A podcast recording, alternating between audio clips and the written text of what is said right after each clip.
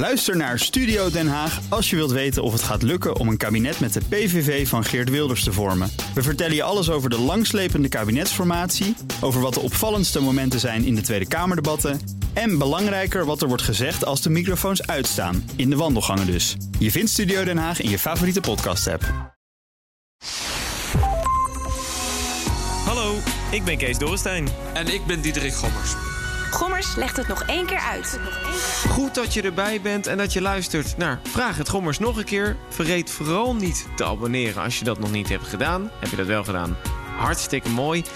Diederik, we hebben vandaag wel toch, ja, toch wel een pittige eh, vraag. ehm, die nog binnenkwam, onder andere van Michel. En hij stuurt een persoonlijk verhaal erbij. En hij zegt: In hoeverre ontstaan er problemen met hartfalen na de boosterprik?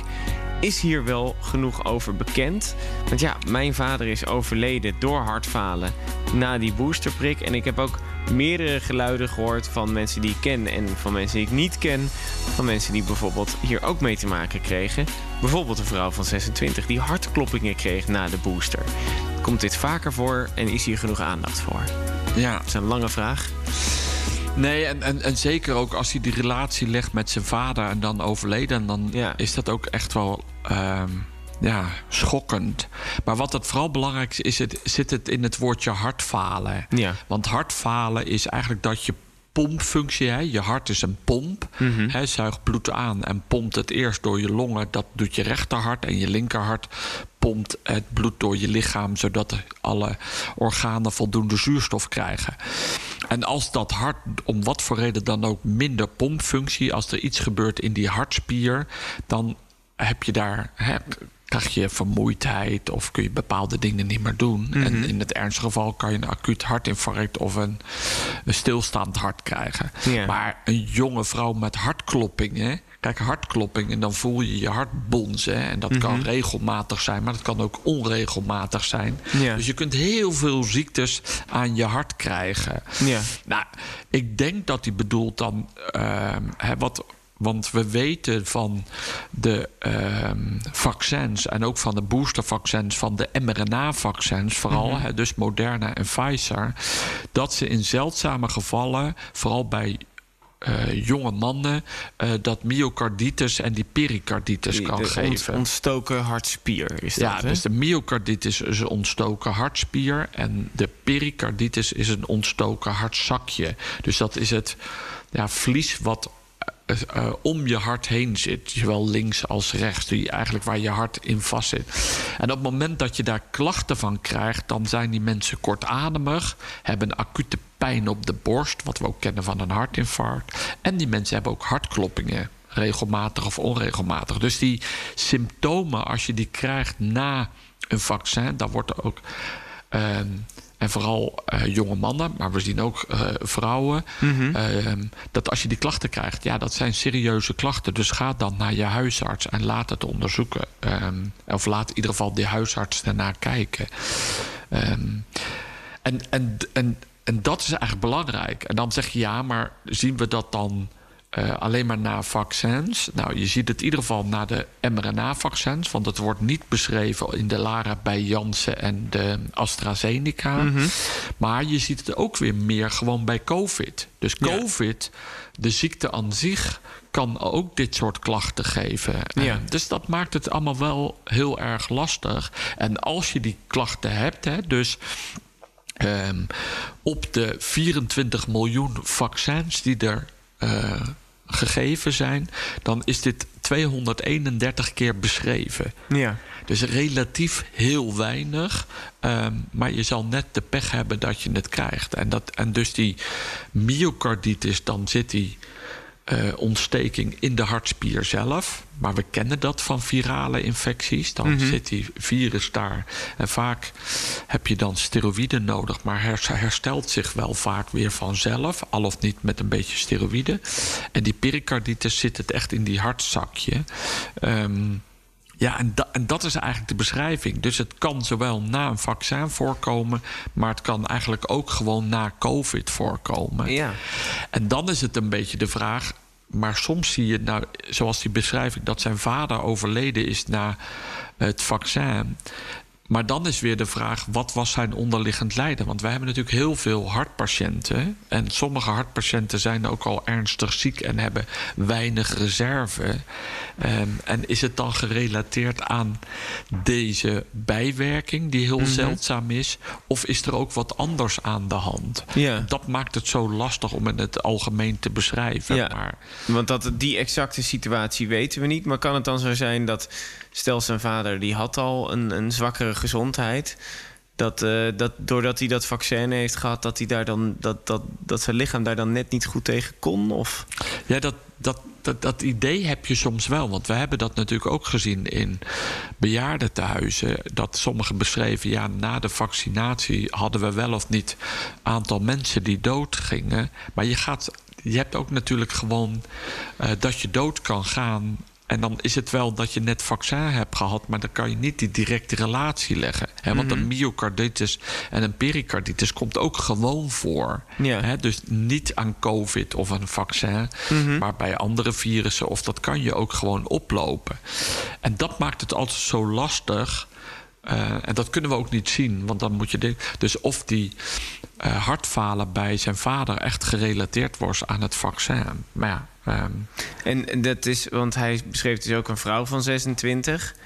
Ehm, die ja, maar dat, dus maar dat beschrijft hij dat ze hartkloppingen. hartkloppingen... Ja. Ja, dus hè, dat echt overdreven voelen van dat bonzen van je hart. Wat je normaal, hè, normaal voel je je hart niet kloppen. Nee. Nou, dat, dat, is, dat wordt ook beschreven, eh, maar dat is geen gelijk hartfalen. Hè? Een kloppend hart of het Nee, bonzen van je want het hart. staat bij het LAREP dan niet dat er nog als bijwerking echt hartfalen. Dat zijn dan die myocarditis of die pericarditis. Ja, dat noemen zij echt hartfalen.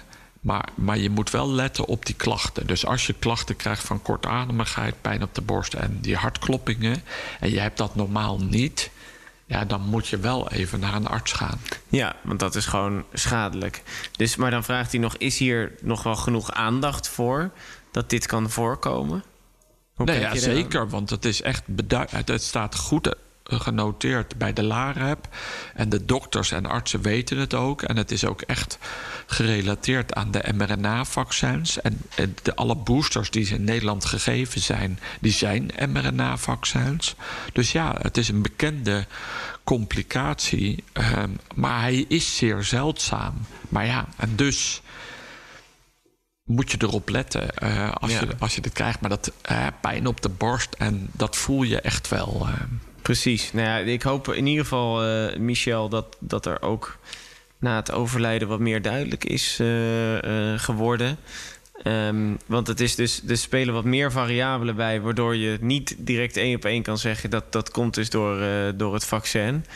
Maar Nou ja, het dus- kan bij ja. zijn vader wel het geval zijn Mhm. dat, hij, dat zijn vader heel erg, ja, toch pech heeft gehad. Ja, dat, hij, dat zijn lichaam zo reageerde op het vaccin dat het hem uiteindelijk het leven kost. Ja, dat, Ja. Zou, dat kan absoluut het geval zijn. Maar daar moet je dieper in de details van.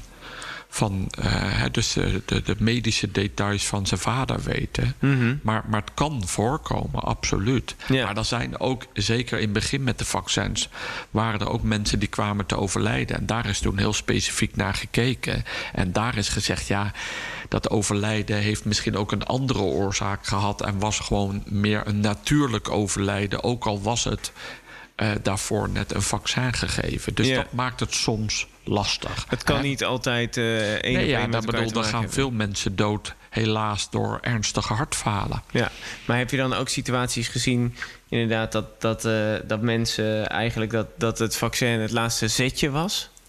Nou, dat is ook wel gesuggereerd. Hè? Ik bedoel, als je nou in een hele slechte conditie bent of gewoon oud bent en je gaat een vaccin geven, moet het lichaam dan harder werken. Omdat je, hè, ik bedoel, je lichaam, je afweer wordt gestimuleerd. Nou, dat hebben we gezien. Wat voor soms reacties ze kunnen geven. Hè? We hebben dat in de vorige podcast gezien met alopecia, de, Ja. die haaruitval. De- je immuun reactie activeren of minder activeren. Dat is een ja. ingewikkeld iets en dat doet iets met je lichaam.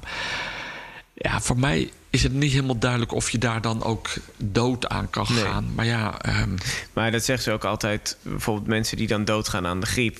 Die gaan dan vaak niet dood aan de griep, maar dat is dan vaak het laatste zetje die zijn dan al zwakker of die hebben dan een andere conditie of ja. andere eh, ziekte. Ja, Eh, en dan, eh, dan krijgen ze de griep. En dat is dan net dat, dat, dat Ja. laatste setje wat je lichaam dan niet erbij kan hebben. ja, dat is het misschien. Hè. Dus de compensatie die je normaal wel nog een beetje hebt, die, die ontbreekt dan.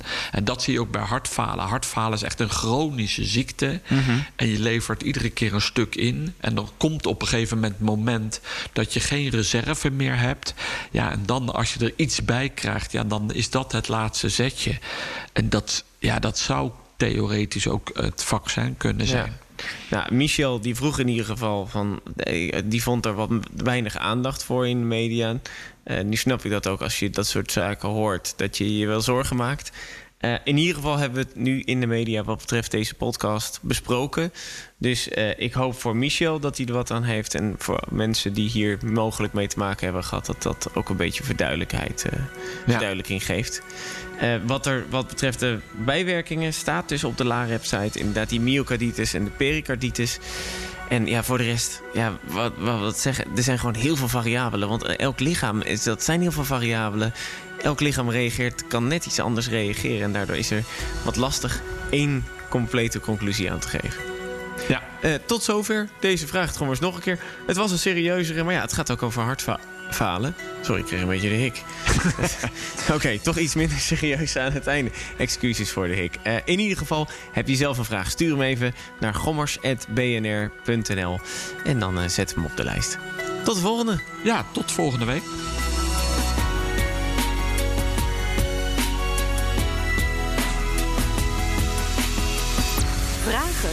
Gommers. Gommers.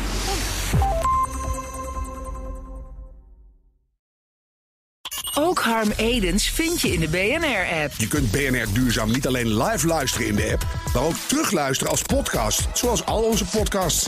En naast dat de BNR-app Breaking News meldt, houden we je ook op de hoogte van het laatste zakelijke nieuws. Download nu de gratis BNR-app en blijf scherp.